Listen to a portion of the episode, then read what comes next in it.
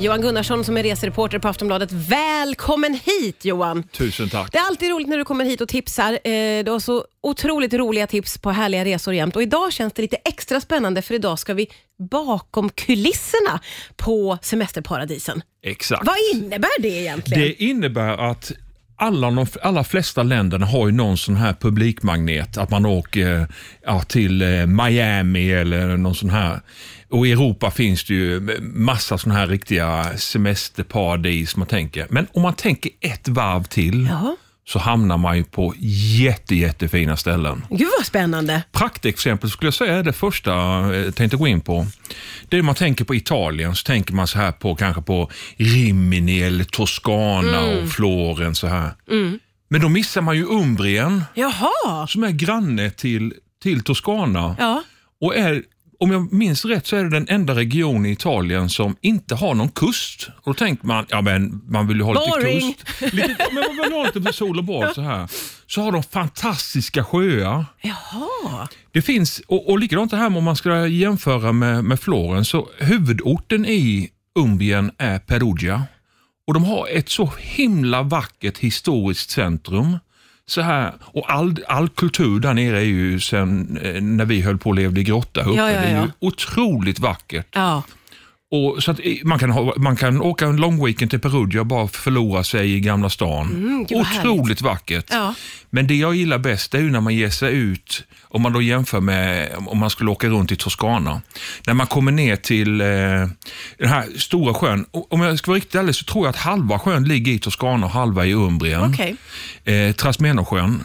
Och den känner vi alla till på grund av slaget eh, under det andra puniska kriget såklart. Ja, självklart.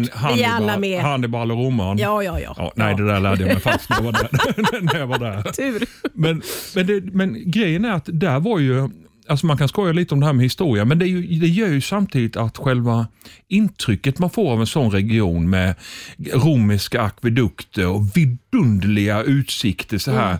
Man åker upp på topp, toppar och det är otroligt kuperat så man ser ju flera mil av såna här svepande dalgångar. Och, Åh gud vad läckert, jag ser det och framför mig. Vingårdar och olivlundar. Ja, Och, och så, ja. så, ja, fantastiskt. Gud vad härligt. Otroligt fint. Som Och en liten bortglömd pärla då, i allt det andra som Italien har att bjuda jag på. skulle säga att för oss är det ju eh, antingen en okänd eller eh, bortglömd pärla, men italienarna själva reser ju i- där. Det är ju jättemycket italienare som man möter på som är ute och reser där. Ja. Medan vi hellre styr kosan mot, eh, mot Toscana eller Ja, just det. De här klassikerna. Ja. Men det här var ju ett oerhört fint tips. Ja, Umbrien är så himla underskattat. Så jätte, jättefint. Och så kan man flyga in antingen till Bologna eller Perugia. Ja, eller till och med till, till Rom. Det är två timmar norr om Rom Ja, med men det är bil upp. perfekt. Vad var det godaste du har ätit i Umbrien? Eh, vi åt en sån fruktansvärt god lammkotlett. Och sen, jag är ju egentligen inte så superförtjust i italienska viner, men Nej. där och då är det ju världens godaste. Ja, ja, ja. Då får man feeling när man då, med äter, allt när man det då äter, det är ju mitt standardtips vad gäller om man ska ha rödtjut i maten. Att äter man maten som serveras lokalt så ska man ju ta vin som produceras lokalt. Ja, ja, ja. För de har ju hållit på i hundratals år. Ja, Få de ihop vet. de där två. De vet vad de gör. Ah, Åh, det var lyckat också lammkotlett och italienskt rödtjut. och jag ser det där, de där böljande kullarna. Ja, underbart. Vart ska vi ta vägen nu då? Nu ska vi ner till sydöstra Europa. Ja, Och tänker man Grekland så tänker man ju oftast på den grekiska övärlden, Rhodos och Kreta så här. Jätte, jättefina ställen. Jag tycker om, eh, väldigt mycket om grekiska övärlden. ja verkligen. Men det är ju ingenting jämfört med, nu ska jag försöka mig på att uttala det här, Ja. Chalkidiki. Oj, Om uppe i nordöstra Grekland, om man till exempel flyger in till Thessaloniki, Ja. så är man precis i- början på en halvö som heter då Chalkidiki. Och därifrån finns det praktiskt nog tre halvöar till. Eh, Cassandra, Citonia och Athos. Och det är liksom, de formas som en hand ut så här. Ja. Så att de här fingrarna går rätt ut i Egeiska havet. ja. Och Då kan du tänka dig när du har lite, lite berg och så mitt, alltså, som mittremsa Ja. på de här halvöarna. Det är så sagolikt vackert. Oj.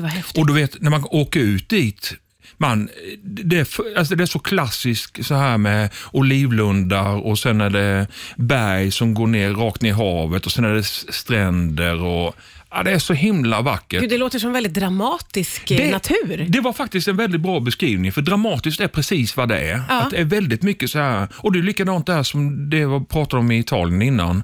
Att vet, histor, historiska sevärdheter och sånt där som är långt före Kristus. Och, Mm. eh, otroligt vackert. Det finns dock en liten, eh, vad ska man säga, en liten eh, värt att veta. Ja. Det är att två av de här halvöarna, eh, fingrarna, kan man åka ut på, äh, får alla åka ut på. Ja. Cassandra och Citonia.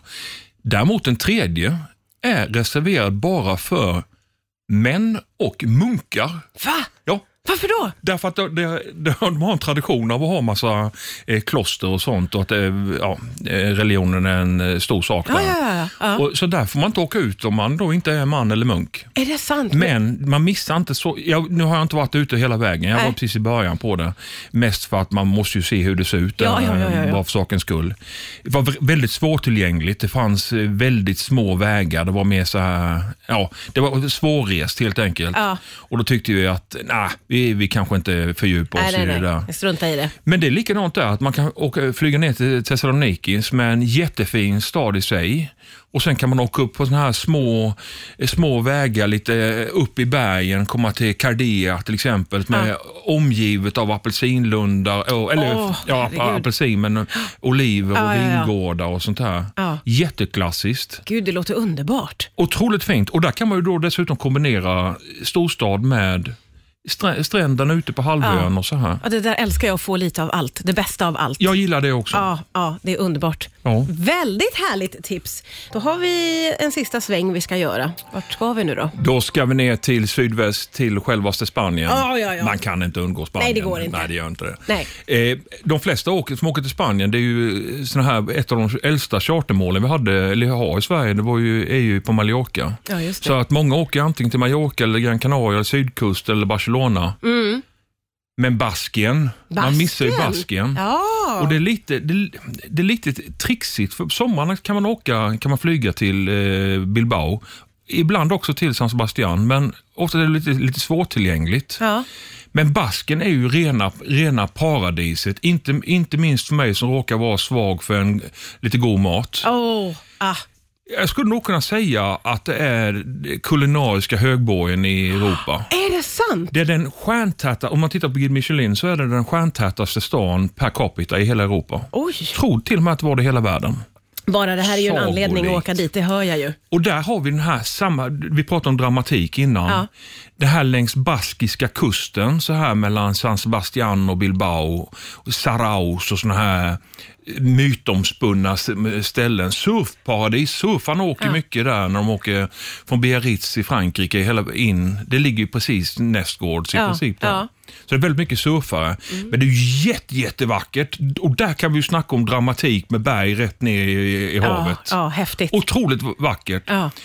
Ja. Egentligen kan man, man kan om man har t- tid så kan man åka hela längs hela eh, nordkusten i Spanien, komma bort till Asturien med sina fantastiska mejeriprodukter och eh, Galicien med sitt kanske världens bästa kött, i Rubia Gallega. Oj. Åh, sagolikt. Man älskar ju resor där man kan äta väldigt gott. Där kan ju du och jag mötas. Där ofta. kan du verkligen mötas. Men om man håller sig kvar i Baskien så är det att i San Sebastian är tillsammans med Barcelona skulle jag säga, eh, de bästa exemplen på där man kombinerar stad med strand i ett, på ett och samma ställe. Ja, älskar. La Concha, den här jätte, jättefina strandbukten de har i San Sebastian.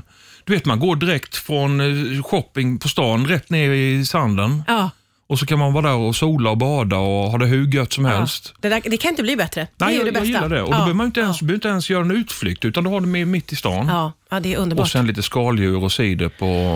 Ja, herregud. You Oj, had oj. med ett skaldjur. Det här Ja. blir man väldigt nyfiken på. Nyfiken på alla de här bra tipsen. Kul att få komma bakom kulisserna. Jag tackar för idag, Johan Gunnarsson.